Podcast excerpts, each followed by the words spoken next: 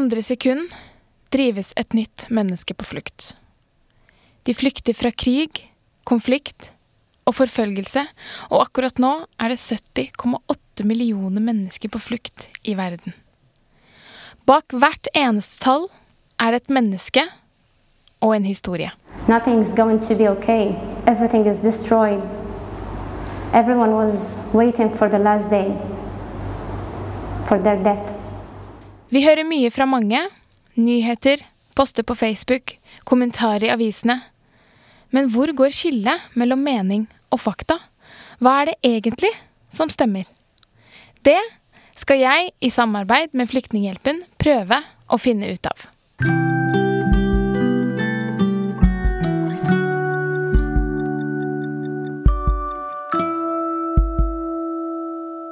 Se for deg at du aldri har opplevd en hverdag uten krig. At du har sett søsken, foreldre eller venner blitt drept. At den overfylte båten du sitter i på vei over Middelhavet, begynner å ta inn vann. Eller at du har blitt tvunget til å drepe som barnesoldat. Dette er dessverre realiteten og hverdagen til millioner av barn og unge på flukt over hele verden. Hva skjer med oss mennesker når vi har opplevd de mest grusomme ting? Hvordan påvirker det vår mental helse? Dagens gjest skal hjelpe oss å forstå de skjulte konsekvensene for barn og unge som har opplevd krig og konflikt. Mannen som skal hjelpe oss med det, er Jon Håkon Schultz. Han er professor i pedagogisk psykologi ved Universitetet i Tromsø. Han har ledet utviklingen av eh, Flyktninghjelpens traumeprogram kalt Bedre læring, som er tilpasset barn på flukt. Velkommen, Jon Håkon. Tusen takk. Eh, kan ikke du starte med å fortelle hva eh, Hva er psykologiske traumer? Ja, Et traume For å få et traume så må du ha vært utsatt for en traumatisk hendelse. Det er en type hendelse som, um, som, er veldig alvorlig, og gjerne er sånn at du tror du skal dø. Eller at du tror du skal bli alvorlig skada. Mm. Og det som er spesielt med disse hendelsene, er at uh, kroppen reagerer automatisk. Ikke sant? Du får, um, du får helt automatiske reaksjoner som du ikke kan styre. Og det som skjer over tid, er at Eh, du kanskje får en påminner senere. Kanskje det er gått eh, noen uker og måneder, og så får du påminnere som gjør at du tas tilbake til den hendelsen som skjedde, og da kommer de samme automatiske reaksjonene i kroppen din. Så det er akkurat som om du opplever det en gang til. Og det er det som gjør dette ekstra ille med traumatiske, med traumatiske, hendelser og traumatiske reaksjoner. At du, du føler at du, du, tas tilbake. Og da kan du si at selv om du har rømt fra en krig, så opplever du krigen. Den er pågående selv år etter at du var der. Mm. Hvor lang tid kan det ta før, uh, før man begynner å få disse traumene? Ja, du kan, du kan få disse traumereaksjonene ganske umiddelbart. Uh, og, og det er veldig vanlig at vi at uh, når man er utsatt for en traumatisk hendelse, så har man de aller fleste av oss da vil ha mye symptomer, sterke reaksjoner med en gang, men så går det gradvis nedover for de fleste. Og det er jo ikke bare krig. Eh, det er jo ikke bare traume foregår ikke bare langt unna. Det, det har vi her i Norge òg. Det, det kan f.eks. være å bli, eh, være i en trafikkulykke. Men det kan også være overgrep, seksuelle overgrep og, og voldshendelser. Mm. Men for de fleste så vil det gå, gå over. Men for en god del så vil disse eh, traumereaksjonene vare, og da skaper de problemer, og da trenger du hjelp. Mm. Um, hvorfor, eller hvordan um, er det man egentlig får, uh, får traumer? Ja, det er, det er igjen da altså, hvis, du, hvis, du, blir utsatt for denne, det, en sånn hendelse um, Og det ser vi jo i krigssituasjoner, så er det veldig mange hendelser um, Egentlig det å være til stede i en krig er en lang traumeopplevelse. Det er eh, det at du tror du kommer til å dø uh, pga. bombene som faller. Um, det er at du kommer ut av huset ditt og ser skadene fra krigen. Du ser folk som er døde. Du ser skadene. De som er på flukt også. Vi har sett alle disse forferdelige reportasjene over Middelhavet, ikke sant? Hvor, hvor mm. folk drukner. Og, og, da er det, når du sitter i den båten, så er det en potensiell traumeopplevelse egentlig hele turen. Mm -hmm. Fordi du vet ikke hva som kommer til å skje. Du er konstant redd for at du selv skal dø, eller noen av de andre rundt. Og du ser at de blir skada. Du ser at noen drukner. Mm. Det er et traume. Um, hvordan um, kommer disse traumene til uttrykk hos uh, spesielt da barn og unge? Ja, du kan si altså vi reagerer, alle reagerer, eh, både voksne og barn reagerer. Men det, det, er som du sier, det er noe forskjell på, hos barn. Um, og, og, den store forskjellen er jo det at barn er mer sårbare. Ehm, de trenger mer voksenstøtte for å liksom forstå hva var det som skjedde. Mm. Og det er jo det som er det store forskjellen mellom barn og voksne, er at eh, barn kan misforstå en hendelse og kanskje tro at de er i fare, når de kanskje ikke er det. Eh, mens voksne har bedre hva skal vi si, livserfaring til å håndtere det i etterkant, og bedre ja, livserfaring og kognitiv kapasitet til å forstå hva som skjer. Ja. Så, så, barn Det er en sånn gyllen regel sånn, uh, som vi sier uh, innen dette feltet, at barn er mye mer sårbare enn voksne. Uh, fordi de ikke forstår hva som skjer. Mm. Og, og, ikke har livserfaring til å håndtere det i etterkant. Har du eksempler eller historier på eh, hva som skaper psykologiske traumer hos barn i krigs- og eh, konfliktsituasjoner? Ja, altså det som, som skaper traumer, er jo for det første hendelsen selv. Men det som gjør at du utvikler symptomer, eh, er jo at du konstant er i beredskap. Du opplever da selv at du ikke er i trygghet. Og kroppen da, da kommer disse automatiske reaksjonene, ikke sant. Sånn at du konstant har et veldig høyt stressnivå og reagerer på høye lyder. Du er redd hele tiden. Og det gjør at stressnivået liksom ikke kommer ned. Du får ikke slapp, eh, slappet av. Og, og, det er her også barn sliter med å regulere seg, ikke sant. Sånn, eh, som voksne kan klare litt bedre. Eh, voksne kan liksom regulere seg og si til seg selv at nå, nå kan jeg slappe av. Det er faktisk ikke farlig nå. Mm. Og det er disse tingene barn trenger voksenhjelp til. Eh, eh, så, så, igjen så ser vi da hvordan barn blir sårbare. Men noe av det som, som kanskje er når vi er inne på liksom forskjell på reaksjoner med barn og voksne, så er det jo den store forskjellen er at når det er det som heter utviklingstraume. Når du blir traumatisert som barn, så kommer disse reaksjonene inn og påvirker utviklinga di. De ødelegger for deg i, ut, i, utviklinga. Ja. Altså forskjellen er f.eks. når du er 30 år, eller 20 år, ja 25 år, da, så er du liksom ferdig utvikla. Og hvis du da får et traume, så blir du satt ut, og det er ubehagelig, og det er fælt, og du får dårlig psykisk helse, men det påvirker ikke utviklinga di. Mm. Det gjør det for barn. Og det um, Da blir barn sittende kanskje inne, de tør ikke å gå ut. Ok, så, så betyr det at da får de ikke lekt. Barn leker jo ikke bare for moro skyld. Barn leker jo fordi de trener på sosiale relasjoner og sånne ting. Så, uh, og det er flere andre ting da som gjør at det, summen av disse traumene og, og, ubehaget gjør at du får ikke utviklet deg sånn som du skulle. Mm. Og det er et problem. Hvordan kan man se eh, på noen, eller eh, jeg vet ikke om det er forskjell, da, men hvordan kan man se på et barn at Eh, for det kan hende at de ikke er klar over det selv, som du sier. Mm. Men hvordan ser man det på et barn om eh, det barnet lider av eh, traumer? Ja, det er, det er et godt spørsmål. Og du kan si noen ting er lett å se. Det er lett å få øye på at, eh, at du er redd.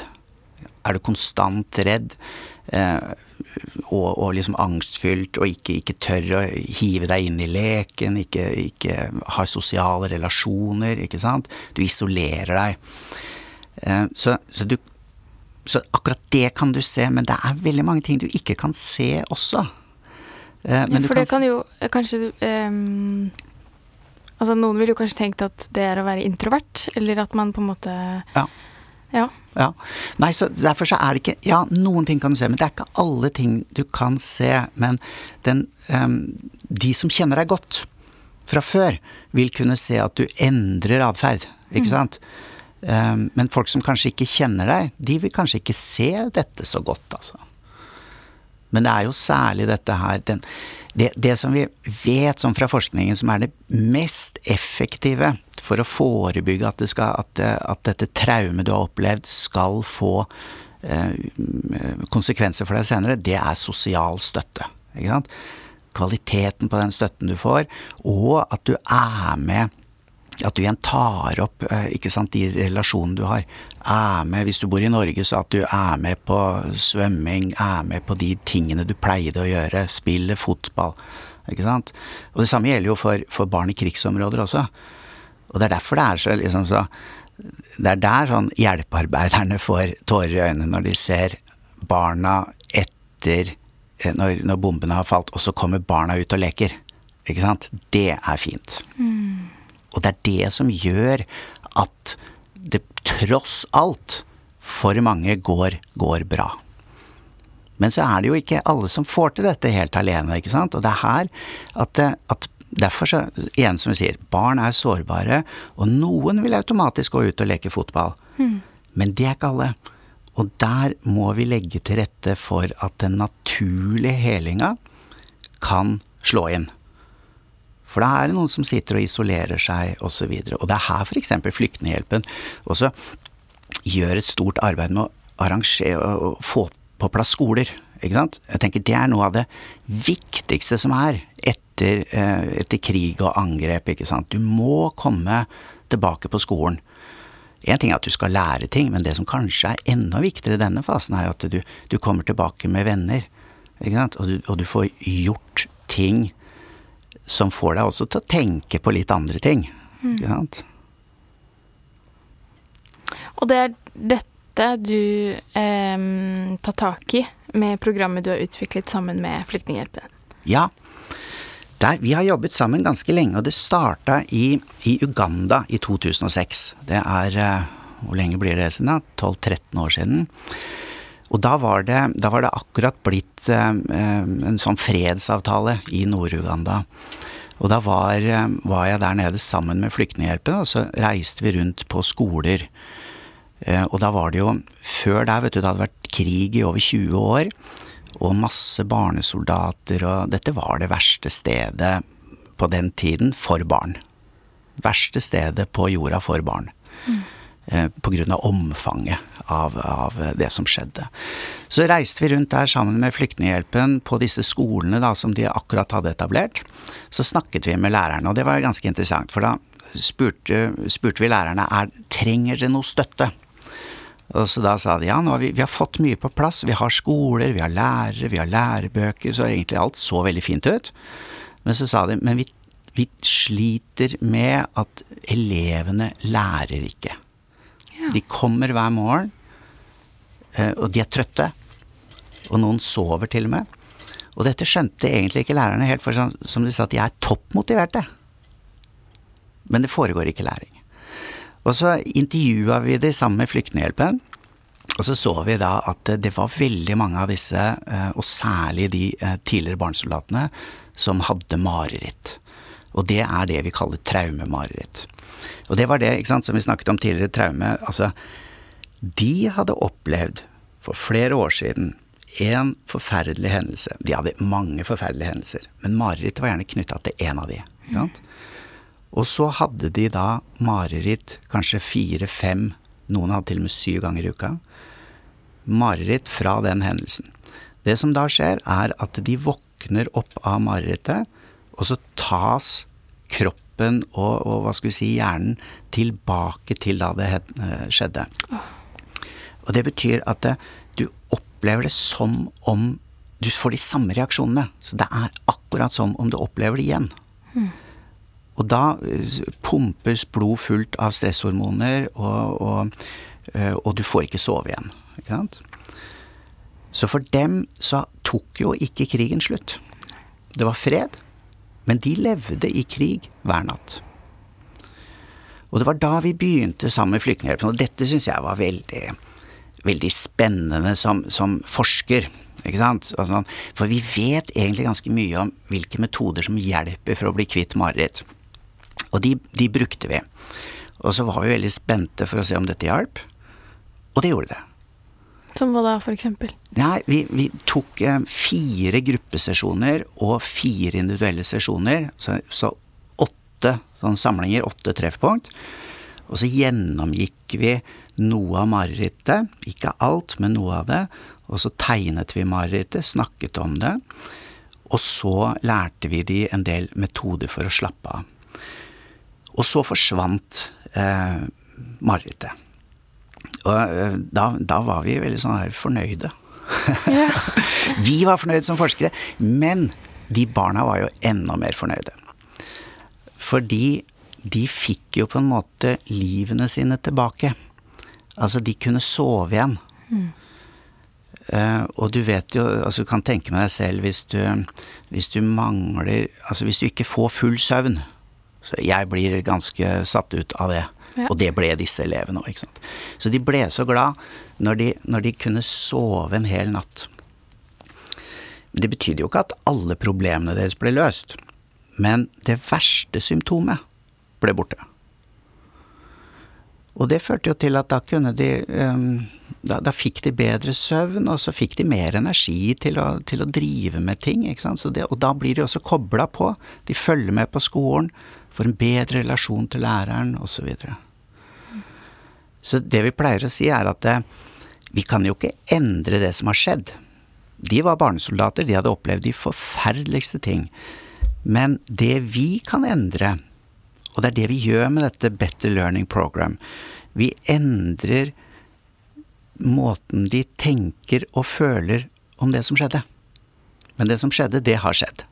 Men måten de da forholder seg til det i dag, det blir annerledes. Mm. Og det betyr at de kanskje slipper å tenke så mye på det. Men eh, eh når dere eh, altså gjorde en, en, suksess i eh, Uganda i 2006 med dette programmet, hvordan gikk dere videre etter det?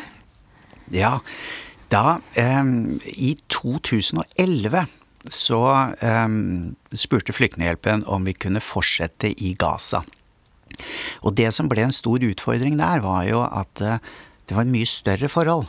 Mm. Vi hadde jo på en måte holdt på i, i, um, i um, uh, Uganda, ikke sant, med noen få skoler. Det var seks skoler som vi jobbet med der. Så kom vi til Gaza, mye større forhold. Og da er det jo Dette er en katastrofe. Og det som kjennetegner katastrofer, er at ressursene strekker ikke til. Ikke sant? Sånn at vi må finne ut rett og slett hvordan kan vi gi så lite som mulig til så mange som mulig, men samtidig at de skal få utbytte av det. Mm. Ikke sant? Så det, så det, var vi veldig spente på, og vi jobba veldig målretta med å finne hvordan kan vi nå mange. Ikke sant? Fordi vi fant jo ut at de hadde jo mareritt der òg. Og det var egentlig ikke uventa, men eh, det var uventa for de lokale lærerne fordi de visste ikke om det. Og elevene forteller ikke som helt uten videre om disse marerittene. Så det, det, blir litt sånn hemmelig, ikke sant. Og så begynte vi å jobbe med dette her, og eh, igjen med sånn grupper og eh, individuelle samtaler. Og så hadde vi det først på ja, var det først 20 skoler, og så etter fire år så hadde vi nådd 500 skoler i Gaza. Ja. Ja, det er litt sånn wow. Mm. Yeah. Fordi Eh, ikke sant? Sånn, vi kunne egentlig holde på i liten skala i, eh, i Uganda og, og, bruke mye energi, ikke sant? Med gode resultater. Men virkelig sånn prøven besto i kan vi oppskalere dette mm. i stor stil? Og da er det liksom ikke vår entusiasme det står på. Da er det virkelig metodene selv. Uh, og, og, vi, vi endra litt på det hele tiden, ikke sant? For det var som jeg nevnte, at vi, vi bruker mange av disse metodene i Norge også, men da er de individualterapi. Og den store forskjellen her er jo at her bruker vi i Gaza bruker vi grupper, og vi trente opp lærere til å gjøre det. For du har ikke Vi kan ikke liksom ja, vi har ikke tilgang på psykologer og andre som vi kan eh, sende ned, og det er ikke hensiktsmessig. Så vi må tenke annerledes. Og det er det som har vært veldig, som jeg syns fra Universitetet i Tromsø, når vi, vårt teamet vårt her jobber med Flyktninghjelpen, så det syns jeg har vært veldig stimulerende. ikke sant? Sånn, vi vet hva som virker, men vi vet ikke hvordan vi skal få det ut i stor stil. Ja.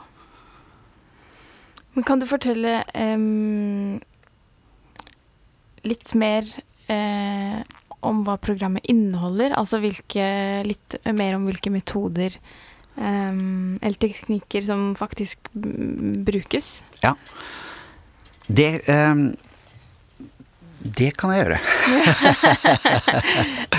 Eh, det første vi gjør, er å si eh, til elevene at eh, nå har vi et opplegg på skolen. Et tilbud til dere som Det gjelder for dere som har mareritt. Fæle mareritt som gjør at dere våkner på natta, og som dere blir skremt av. Og så sier vi at vi har metoder som gjør at det kan vi hjelpe dere med å bli kvitt. Og da tar det fire ganger i gruppa, fire ganger sånn, og hvis dere da melder dere fra til læreren etterpå nå, så kan dere få mer informasjon om det. Men vi er veldig klare på at vi veit hvordan vi skal hjelpe dere. Ikke sant? Og så skriver elevene seg opp på en sånn liste, og så får de da en, en samtale hvor vi sjekker ut at det er faktisk det de har. At det er mareritt de har. Ja. Og så, den første gruppesamlinga da, da sitter vi og snakker litt om hva som er vanlige reaksjoner på unormale hendelser. Da sier vi at det er faktisk vanlig å ha mareritt når du har opplevd krig, når du har opplevd bomber som faller. Du blir kjemperedd. Det er helt vanlig. Og da er det ganske rørende å se hvordan disse barna reagerer, for da sier de liksom sånn De blir forbausa over at de andre også har mareritt. Ja. For mange trodde jo at det var bare jeg som hadde det. Mm. At, eh, at, jeg er i ferd med å bli gæren. Ikke sant? Jeg blir gal og, og, sånt, og at jeg er veldig spesiell. Men så ser de at nei, det er det ikke. De andre som sitter, sitter her, har også, også mareritt. Og så Og det er jo Det, det er på, som, på, fint som heter normalisering. Ikke sant? Vi normaliserer de, de um, opplevelsene. Og så forteller vi det igjen, og det for veldig mye handler om motivasjon i begynnelsen, fordi at de skal tørre å være der. Så sier vi at dette her eh, skal vi hjelpe dere med. Og vi har gjort det før, og de, du blir kvitt det. Men det er viktig at du, at du kommer på disse samlingene. Og så gjør de det, da. Vi kommer på samlingene, og så har vi tre ganger til, og så snakker vi litt om marerittet. Og så kommer vi i de individuelle samlingene på slutten. Og da snakker vi med, med barna, så sier vi om vi kan endre marerittet. Det mest skremmende i marerittet er det Tror du at vi kan endre det? Og hvis vi skulle endre det, hvordan ville det sett ut? Og nå er det ikke sånn bare at du kan endre det sånn helt uten videre, men det som egentlig skjer, er at du snakker om med noen det du er mest redd for. Tar du opp i samtalen i en trygg atmosfære. Og det som da egentlig skjer, det er litt sånn komplekst psykologisk, men det som skjer da, er at du tar bort det, det mest skremmende stresset. Mm. Ta bort det ut av situasjonen, og så har du for første gang sittet og snakka med noen om marerittet, og det som skremmer deg aller, aller mest. Det har du gjort i en trygg setting. Og hvis du gjør det et par ganger, så blir det ikke så skummelt lenger. Da har du liksom tatt bort det skumle.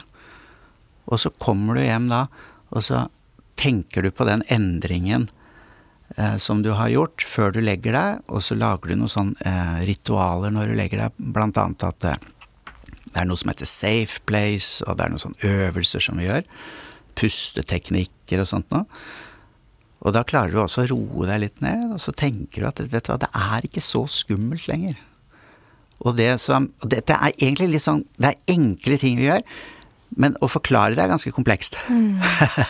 For de psykologiske mekanismene, men det, det, er egentlig altså at du, du tar bort det skumle. Ja. Og du avbetinger de følelsene som er knytta, de emosjonene og følelsene som du egentlig tidligere fikk, som automatisk kobles på stressresponsen. Men er det noe spesiell um, um, For nå har vi snakket om barn. Men er det noe spesiell alder hvor du Hvor man kan begynne å få dette? Altså er det en viss alder hvor man Hvor barn ikke kommer til å få traumer? Ja. Nei, altså det ingen, altså det er ingen som aldersmessig, for å si det sånn, er immune mot traumer. Det, det, gjelder, det, gjelder, alle. Vi ser til og med små barn, eh, altså de minste barna, blir preget av, av, av dette. Men um, når det gjelder mareritt, så ser vi at det, det er faktisk det ser ut til å være litt sånn lettere å jobbe med mareritt hos barn enn hos voksne. Og det er nok også fordi at det, eh, en del barn Det er vanlig å ha mareritt hos barn. Ikke traumemareritt, men det er vanlig å ha mareritt. Så de kjenner litt sånn til det, selv om det er en sånn helt forskjell på et vanlig mareritt og traumemareritt. Men for voksne så er det uvanlig å ha mareritt. Så det er liksom for voksne så er det litt mer sånn stigma. og Vi ser jo her i Norge så har vi jo hatt eh, Nå er det lenge siden andre verdenskrig, men eh, noen har besteforeldre eller tippolderforeldre mm. som, eh, som, levde da. Og, og, mange av disse krigsseilerne og sånt noe hadde jo mareritt i 40-50 år etterpå. Oi. Og de ble ikke kvitt det. Og måten de løste det på, var jo at um, kanskje at han fikk et eget soverom. Ikke sant? Sånn at kona ikke skulle bli plaga av skrikene om natta. Men vi tok aldri, eller helsevesenet tok liksom ikke tak i årsaken og endra og reduserte marerittene eller fjerna de. Og det er derfor, som vi ser i forskning, at når du først har fått et traumemareritt fra en traumatisk hendelse, så ser det ut til at det, det, det kan vare veldig lenge. Og det trengs en egen behandling for å, for å ta det bort, rett og slett. Og det er der igjen noe av problemet kommer, vet du, når, når, når små barn og, og sånn 10-12 år og, og, enda lavere får disse marerittene, så påvirker det søvn, mm. utvikling. Du får ikke lært på skolen, du får ikke vært ute med venner da er vi over i det vi kaller et utviklingstraume som påvirker livet ditt. Veldig negativt. Syria, Somalia, Colombia. Verden over blir millioner av mennesker tvunget på flukt fra krig og konflikt. De blir revet bort fra familie og venner og går en usikker framtid i møte. Bare mens du har hørt på meg, har åtte nye mennesker blitt drevet på flukt. Flyktninghjelpen skaper muligheter og hjelper mennesker med å bygge seg en ny fremtid. Du kan være med å støtte vårt arbeid. VIPS til 2142. Hva er det som skjer hvis eh, barn og unge ikke får den hjelpen og, og ikke får eh, denne behandlingen eh, noen gang? Ja. Nei, ja, det, det, er et godt spørsmål. ikke sant? Og når du ser i, i Gaza, så er det jeg tror, jeg tror man bare må minne om også at det, bare det å få tilgang til skole eh, det er et veldig viktig premiss. ikke sant? Det er hjelp, altså. Så skole er ikke bare utdanning, men det er Vi kan si det er en rettighet, men det er det selvfølgelig. Men det hjelper deg i å koble deg på igjen når det verste har skjedd. Men så, er, så har vi jo sett ikke sant? Det hjelper ikke bare å ha skole, det hjelper ikke bare å ha lærer og skolebøker. Du må også ha et godt forhold til læreren. Og du må lære. Så det at um, det å gå på skole og lære Det er egentlig mange ting som skal funke. Mm. Og, og, det er der vi ser at det, mange elever klarer bare å nyttiggjøre seg av dette. At det går greit. Men så er det en ganske stor andel som trenger ekstra hjelp for å koble seg på læringa. Og den trenger ekstra støtte læreren, fra læreren. Og når det ikke skjer, ja, da faller de ut av skolen. Da får de, og da begynner problemene, ikke sant? Eller problemene fortsetter. Og, og da er det store individuelle omkostninger. Det er det, det, det, å falle ut fra skolen. Særlig det er I alle land så er det ugreit, men i et sånn krigsområde så er du ekstra sårbar. Mm. Kan um, alle barn og unge med traumer få hjelp uh, og uh, bli bedre? Eller finnes det noen man faktisk ikke kan hjelpe? Det finnes noen som man Jeg vil si at det, alle kan få hjelp. Men det er nok noen som trenger ekstra mye hjelp. Men det som også er det store, for å begynne i den andre enden, så er det veldig mange som kan nyttiggjøre seg veldig lite hjelp. Og det er det positive budskapet. Og det er derfor igjen jeg hele tiden nevner dette med skole. Mm. De aller, aller fleste eh, barna og ungdommene vil nyttiggjøre seg skole. Mm. Problemet er når skolen ikke kommer. Når du ikke har noe å gjøre. Når du ikke får spilt fotball, og alt er bare um, krigsruiner, da er det kjempeproblemer. Mm. Så kommer skolen på plass. De aller Eller veldig mange nyttiggjør seg det. Men det er som du sier, det er noen vi må følge opp mye grundigere. Men jeg liker å tenke liksom sånn på at jeg liker egentlig å starte i den andre enden på, på det spørsmålet ditt. For det er så utrolig det er så veldig mye vi kan gjøre med, med veldig lite. Det er det som er den liksom så utrolig gode budskapet i, i, dette. Men da må man koble på forskning, sånn som vi gjør i dette programmet her, og så, og så må du liksom raffinere og, og, og, virkelig justere hva er den lille hjelpa? Mm. Hva skal den inneholde, sånn at, at så mange som mulig kan få så lite som mulig, og få best mulig effekt av det. Ja. Det er liksom sånn, det, det, positive. Jeg tenker sånn, Det er det som gjør at eh, i hvert fall at jeg og det teamet mitt eh, fra, fra universitetet her og sammen med Flyktninghjelpen, at at vi orker å fortsette. Fordi vi ser jo disse resultatene. Og det eh, er veldig stimulerende, altså. Jeg vil nesten si det er gøy. Ja. jo, men det er det er jo bra at det funker. Det er jo ja. um, Kunne jo ikke vært bedre. Nei. Igjen så er sant, det er ikke så, så mye som skal til mm. mange ganger. Men du har helt rett som du sier, det er, det er noen som helt klart trenger mye mer over lengre tid. Mm. Um, det begynner å bli mer um, akseptert å eh, snakke om psykisk helse i dagens eh, samfunn. Um, og det er jo uh, syns jeg er veldig bra. Uh, men så føler jeg også at det blir veldig um, Det er ikke så mye fokus på psykisk helse hos uh, folk som er på flukt. Um, syns du det er rart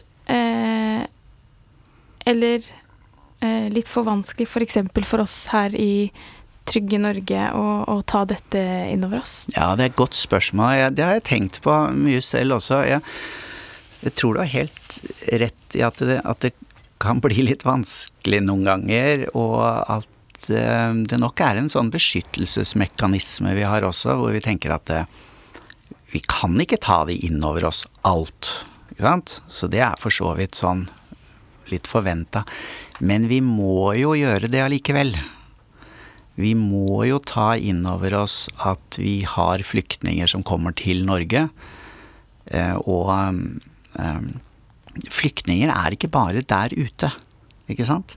De er her i Norge også. Og jeg tror når, du, når vi tar inn over oss det lidelsestrykket mange av de har, ja, så gjør det noe med alvoret. Men det vi kan gjøre, er jo å finne ut mer her i Norge også. Hva er det vi kan gjøre av hjelp? Hvordan kan vi bli mer presise i den hjelpa vi gjør? Så vi kan ikke bare gå rundt og tenke at det er synd på dem, vi må også være mer handlingsorienterte og, og levere eh, mer målretta hjelp. Og vi har veldig mange asylmottak, eh, ja ikke så mange lenger nå, men vi har mange som sitter i asylmottak i Norge som ikke får den hjelpa.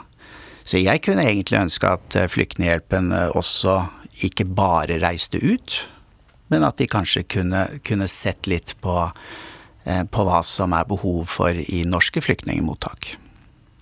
Mm. Ja, det burde absolutt være noe form for eh, system som hjelper eh, hjelper de som er eh, i Norge, hvis de skal klare å, å fungere i samfunnet igjen til, som vanlig etterpå. Ja, vi trenger litt mer flyktninghjelp i Norge. Mm. Ja. Eh, I en tidligere episode så snakket jeg eh, med Sonja Sunde, eh, som er utenriksreporter i TV 2 eh, om hvordan det er å jobbe i farlige områder. Mm. Eh, og vi eh, har snakket en del om barn. Eh, men jeg vil vel tro at eh, også de som jobber i konfliktsituasjoner, eh, må passe på sin psykisk helse, de også. er traume vanlig hos journalister og hjelpearbeidere, f.eks.? Ja, det, det, er jo det. Jeg kan si at det, de blir jo også utsatt Altså det som er likt, ikke sant. Vi blir utsatt for traumatiske hendelser. Mm. Men det som er litt forskjellig, er hvordan vi reagerer på de traumatiske hendelsene. Ikke sant? Hvilke reaksjoner og hvilke problemer får du i etterkant. Og jeg tror nok den største forskjellen mellom hva skal vi si, noen som er utsatt, de, som bor der, lokalbefolkningen som bor der og blir utsatt for krig, og en journalist, eh, reporter som kommer, er jo at reporteren er forberedt. Reporteren har nok kanskje har gjort det før, ja ja, én gang må jo være den første, men allikevel så Reporteren er forberedt. Eh, har sittet hjemme i Norge og diskutert sammen med teamet sitt, vet langt på vei hva de kan eh, oppleve. Og, og, og, den andre tingen, i baklomma til journalisten så ligger flybilletten. Du kan reise hjem igjen. Og når de reiser hjem, så tar de seg en pause. Tar det litt fri. Gjør andre ting. Og så reiser de ut på et nytt oppdrag. Og den kombinasjonen av å være forberedt og få pauser gjør at de klarer å bearbeide dette mye mer. Og den andre for, tredje fordelen med journalisten er jo at når, kommer, når hun kommer hjem til Norge, så forteller hun om hva hun har opplevd. Ikke sant? Viser bilder, blir intervjua og, og blir liksom får litt sånn rensa ut. Ikke sant? Og så får en liten pause, og så er hun klar til å reise ned igjen. Vi så jo Jeg kan gi deg ett eksempel som kanskje forklarer det der litt. Eh, under Utøya eh, 22. juli, ikke sant, så eh, ble det fulgt opp med en undersøkelse av innsatspersonell. Altså de som hjalp til. Ikke sant. Det var ambulansefolk, politi, og det var vel noen brannmenn også. Ikke sant? Og så ble det målt liksom de reaksjonene de hadde i etterkant, og det ble sammenligna med de som vi kalte for båtfolket. Det var jo de turistene som bodde på campingplassen der, og vanlige folk som kom ut med båtene sine og henta folk. De fikk problemer etterpå. Mens politiet og disse andre profesjonelle fikk ikke problemer. Sant? Så det viser det der med at de er forberedt og trent. Det er jobben deres. Mm. Ikke sant? Og der havner jo denne journalisten også. Og det er jo dette som det er jo disse hva skal vi si, fordelene her som eh, krigs, de som bor i krigsområder, de, de, blir ikke forberedt på dette. Vi kan ikke forberede på det. Så de blir, eh, de blir utsatt for dette. De mister all kontroll. Og dermed blir de traumatisert og de trenger hjelp og beskyttelse i etterkant. Mm. Um, men hva med f.eks. Uh, de som um, jobber som lærere, men som selv har uh, opplevd krig og konflikt, altså f.eks. som du nevnte i Gaza eller uh, andre områder? da? Ja. Nei, det er, det er, et godt poeng der, og er, der treffer du vår dårlige samvittighet.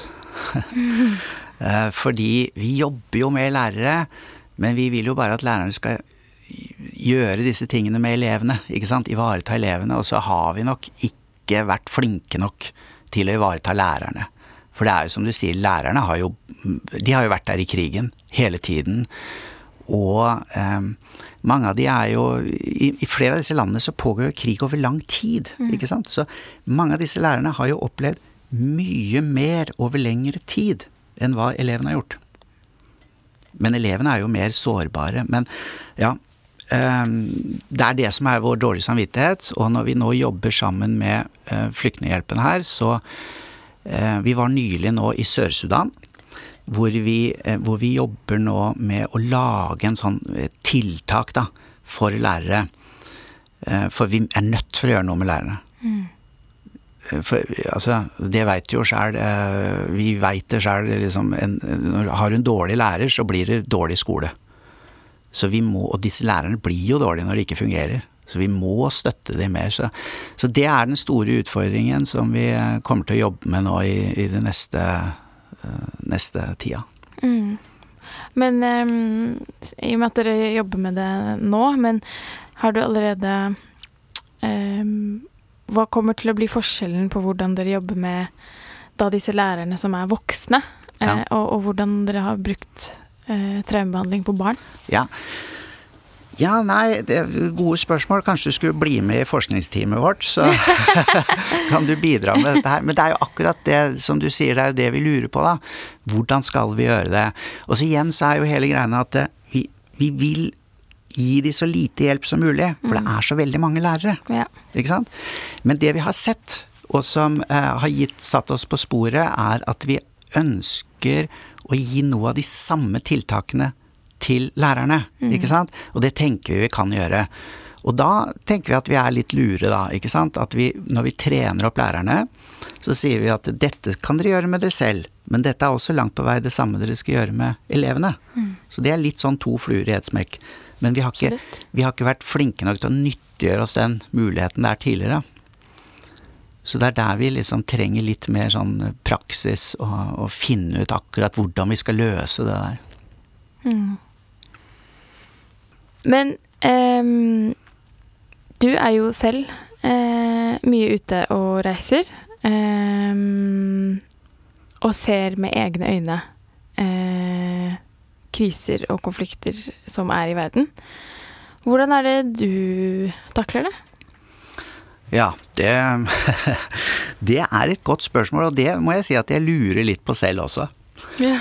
Fordi at det er jo sånn at man merker jo ikke alle disse eh, hva skal vi si Altså, jeg merker jo inntrykkene, men jeg merker ikke bestandig hva det gjør med meg. Og det er det samme med, med de som blir utsatt for traumer også. Derfor så må man liksom følge med. Men jeg tenker den store fordelen jeg har, og den ligger litt i jobben min, det er at jeg jobber altså Når jeg jobber sammen med Flyktninghjelpen, så, så er vi der og ser endringen. Ikke sant? Og det har jeg også passa på. Sånn at når jeg er ute på disse turene, så er jeg jo nede og setter i gang ting. Selv om altså jeg er jo forskeren, og det er jo Flyktninghjelpen som gjør det. Gjør tiltakene. Men jeg passer på bestandig at jeg kommer ned igjen etterpå. For å se effekten. Og hvis jeg ikke får sett effekten, så, eh, så sitter jeg igjen bare med de fæle minnene. Og når jeg kommer ned, så ser jeg da Kanskje kommer jeg ned noen måneder etterpå, så ser jeg da hva Flyktninghjelpen og de lokale folka der nede har gjort. Og så blir det veldig fint, altså. Ikke sant? Og, og så er jo jobben min at jeg hele tiden skal forbedre dette programmet. Ikke sant? Så det tar jo også fokuset mitt bort fra bare de fæle tingene på konstruktivt. Liksom. Her kan vi forbedre. Hvis vi gjør sånn, så kan det bli enda litt bedre.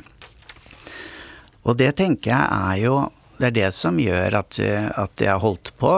Jeg og mitt team da, her på universitetet har holdt på sammen med Flyktninghjelpen nå i er det over 13 år. ikke sant? Fordi vi ser disse endringene. Og det er egentlig litt stilig. Det er veldig stilig. Det er jo helt fantastisk.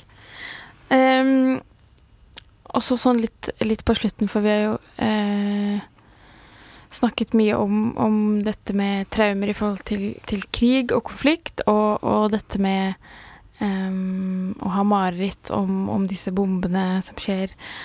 Um, er det Men folk opplever jo så mye forskjellig ut ifra uh, traumer de da uh, kanskje får. Uh, du nevnte dette med f.eks. seksuelle overgrep. Um, disse metodene som brukes er det uavhengig av traumen du har opplevd? Fordi at traumen i seg selv er det samme uavhengig av hva, hva den går ut på? Ja, det, det, er et komplekst spørsmål du stiller, altså, men sånn, det, det, enkle svaret på det er at i, utgangspunktet så er det de samme tingene vi gjør. De samme metodene, da. Uavhengig om det er eh, det ene eller det andre. Mm. Men den, kanskje den store forskjellen er om det er et enkeltstående traume. Var det, var det en trafikkuhell? Eh, det er stor forskjell på det og om du har blitt seksuelt misbrukt over lang tid.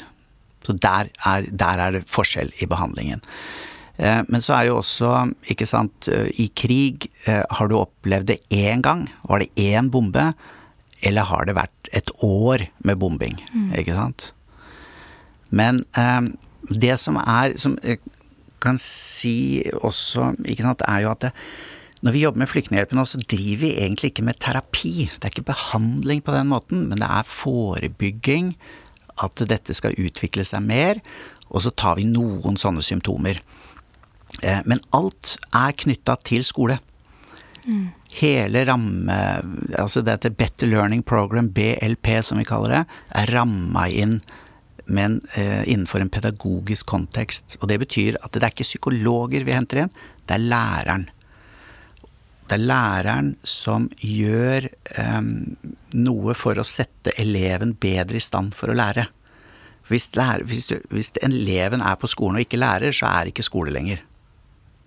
Så, det, så det er, det er, hvor, hva kan læreren gjøre for at eleven skal lære?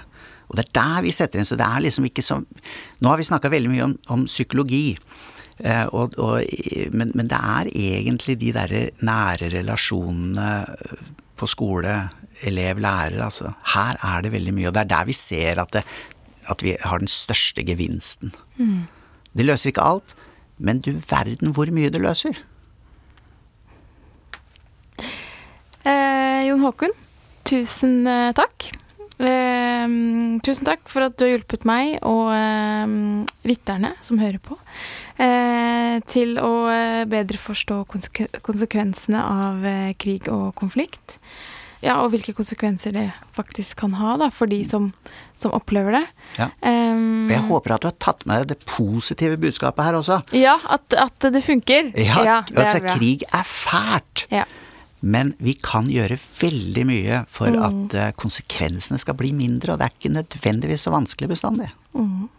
Jeg, jeg, tror det er litt uh, viktig å høre det også, uh, innimellom, for det er Det er jo som regel stort sett elendigheten man, man, snakker om. Ikke sant? men da er det jo fint at ja, forskning har kommet så langt at vi kan At man kan hjelpe etterpå. Ja.